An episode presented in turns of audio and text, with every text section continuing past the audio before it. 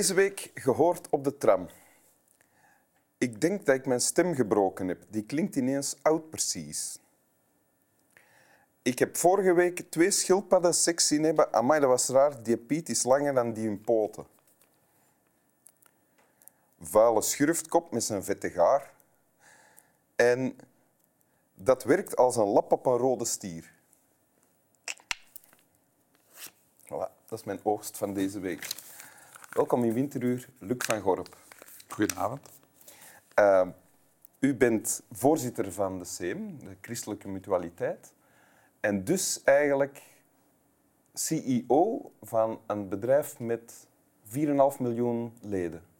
Correct? Zoiets, ja. En dat, Ja. Is, dat is vrij correct, ja. Ja. En zeven, bijna 8000 eh, werknemers ook nog eens. Ja. ja. Dus een grote baas. Hè?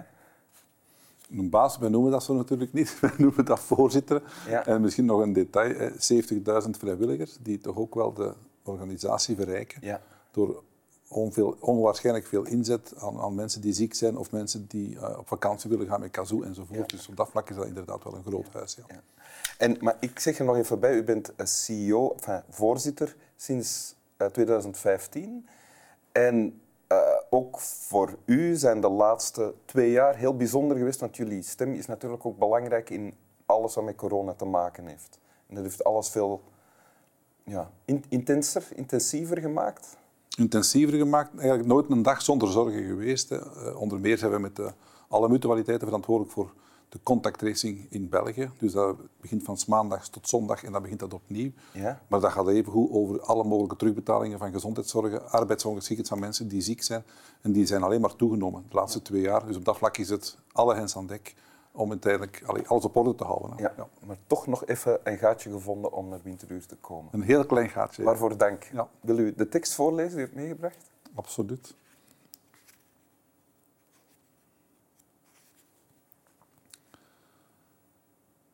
Naast het goede dat groots en dreigend is, bestaat de alledaagse menselijke goedheid. Ze is een goedheid zonder getuigen, in stilte voltrokken, bescheiden zonder triomf. Ze staat buiten elk systeem, boven elke religie, voorbij elke sociale organisatie. Ze ontsnapt aan elke ideologie. Ze is gratuit en juist daardoor eeuwig.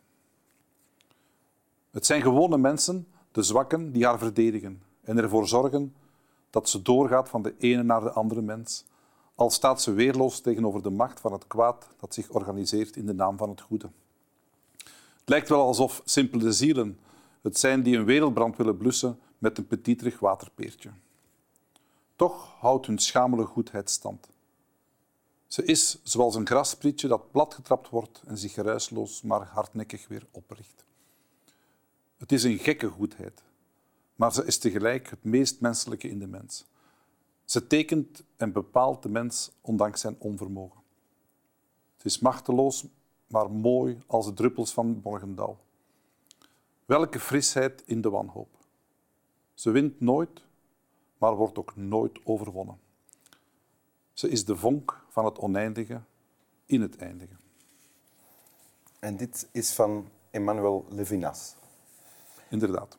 Heb ik het goed als ik eh, dit probeer samen te vatten als ehm, de mens is in wezen goed op allerhande manieren die, eh, die niet bedacht zijn en die niet in een schema passen. Ik, ik zei ik, ging het, ik ga het samenvatten, maar ben, ben ik al veel te veel aan het zeggen eigenlijk. Maar klopt wat ik zeg al? Ik vind het nog sterker door te zeggen van het is niet alleen eh, het- goede, de kleine goedheid vertrekt altijd vanuit iets heel kleins, vanuit een mens, vanuit een, een, een, een weerloosheid ehm, en niet vanuit eh, systemen die wij zouden opleggen. En Een weerloosheid, maar het is ook het herkennen van weerloosheid bij Ja. iemand anders dan. Ja, absoluut. Ja. En Levinas is gekend voor het, gelaat van de anderen, dat u zegt van ik kan daar niet naar, niet naar kijken, dus ik moet die mens zien, die bedelaar, ik ga die helpen. Maar het verhaal wat hier Levinas vooral beschrijft, ehm, en heeft hij, het, heeft het pas beschreven op het einde van zijn leven, dat was al in 95, en daar ehm, worstelt hij heel erg met het feit dat wij een stuk zijn precies opgevoed. Je hebt het goede en het kwade. En, en dan moeten zien dat we het kwade bestrijden. Maar hij zegt nee, het kwade komt eigenlijk voort uit het goede als je dat niet klein houdt. Als je het, het goede te groot maakt en in systemen giet, dan kan dat kwaad opleveren. Oké.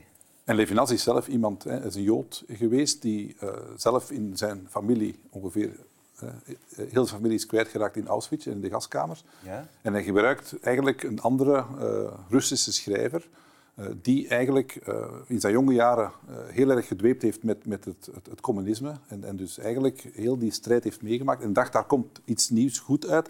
En heeft dan de perversiteit gezien in het Stalinisme, heeft daar dan tegen geschreven en is dan uiteindelijk tot de constatatie gekomen het kwade zit in het goede. We hadden dat eigenlijk moeten voorzien. En voor ons is het ook, of voor mij is het een waarschuwing van, het is niet omdat je een grote organisatie bent dat het automatisch het goede is. Dus je moet elke keer opnieuw, denk ik, vernieuwen in de dingen die je onderneemt, in de zaken die je ziet.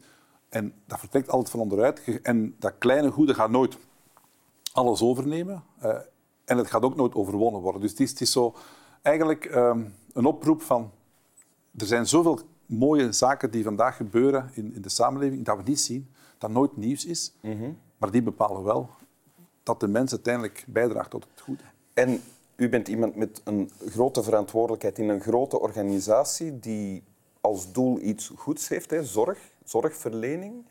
Uh, maar u zegt, het is niet omdat het dan eruit ziet als een goede organisatie of een die het goede nastreeft, dat dat ook goed... Dat dat vanzelfsprekend een verworvenheid is. Ja. Dat is een soort van, dat is een eerder lineair denken. Ik denk dat je het circulair moet denken. Elke dag moet je bij wijze van spreken uw missie of uw visie of uw doelstelling hernieuwen. Ja. Want zijn we wel goed bezig? Nemen we wel de juiste beslissingen in relatie tot wat er gebeurt? En niet vanuit een soort van overmoed van wij bestaan al 125 jaar, dus dat zal wel goed zijn. Dat geloof ik dus. Maar dat gevaar dreigt wel. Dat gevaar dreigt bij elke organisatie, dat gevaar dreigt bij, bij elk systeem dat ontstaan is vanuit het, het kleine of de kleine goedheid. Ja. Heeft de mogelijkheid in zich om zichzelf te perverteren. Dat denk ik wel, ja.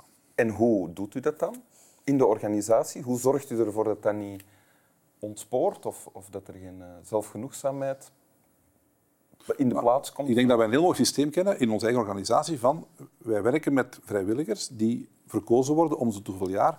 En om te voorkomen dat mensen 30, 40 jaar op eenzelfde stoel zouden blijven zitten en zeggen, zie ik keer hoe goed dat ik ben, dat je uiteindelijk een vernieuwing eh, doorvoert in de organisatie. Dat geldt trouwens ook voor mijn eigen mandaat, dat een, een mandaat is dat hernieuwd moet worden.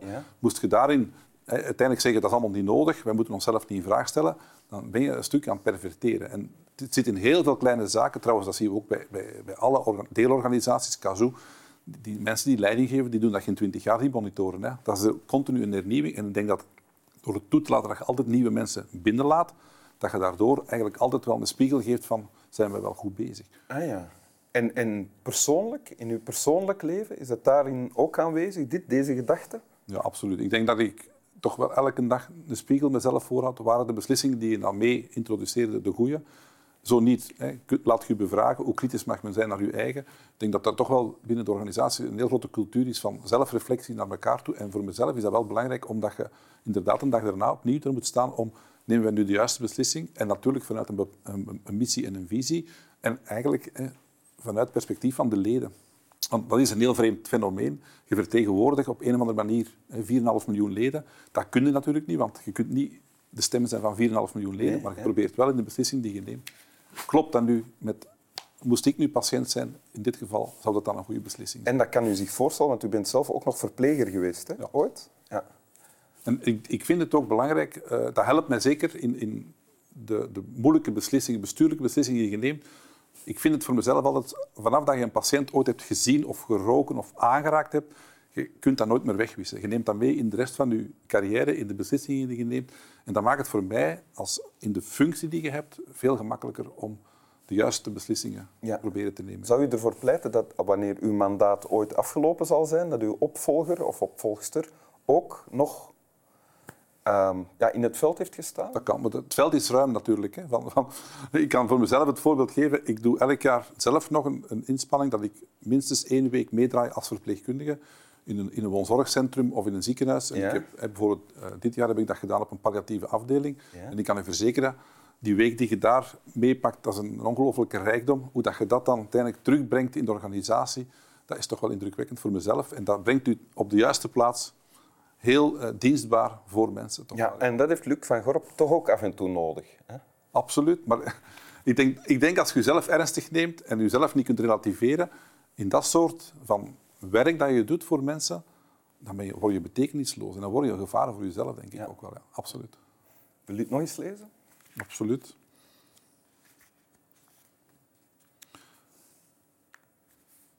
Naast het goede dat groots en dreigend is, bestaat de alledaagse menselijke goedheid.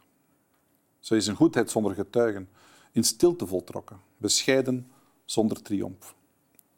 Ze staat buiten elk systeem, boven elke religie, voorbij elke sociale organisatie. Ze ontsnapt aan elke ideologie. Ze is gratuit en juist daardoor eeuwig. Het zijn gewone mensen, de zwakken, die haar verdedigen en ervoor zorgen dat ze doorgaat van de ene naar de andere mens. Al staat ze weerloos tegenover de macht van het kwaad dat zich organiseert in naam van het goede. Het lijkt alsof het simpele zielen zijn die een wereldbrand willen blussen met een petiterig waterpeertje. Toch houdt hun schamele goedheid stand. Ze is zoals een grasprietje dat platgetrapt wordt en zich geruisloos maar hardnekkig weer opricht. Het is een gekke goedheid, maar ze is tegelijk het meest menselijke in de mens. Ze tekent en bepaalt de mens ondanks zijn onvermogen. Ze is machteloos, maar mooi als de druppels van de morgendauw. Welke frisheid in de wanhoop. Ze wint nooit, maar wordt ook nooit overwonnen. Ze is de vonk van het oneindige in het eindige. Dank u. Snap wel.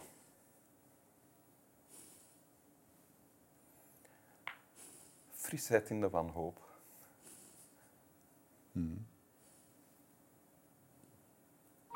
Dat is waar.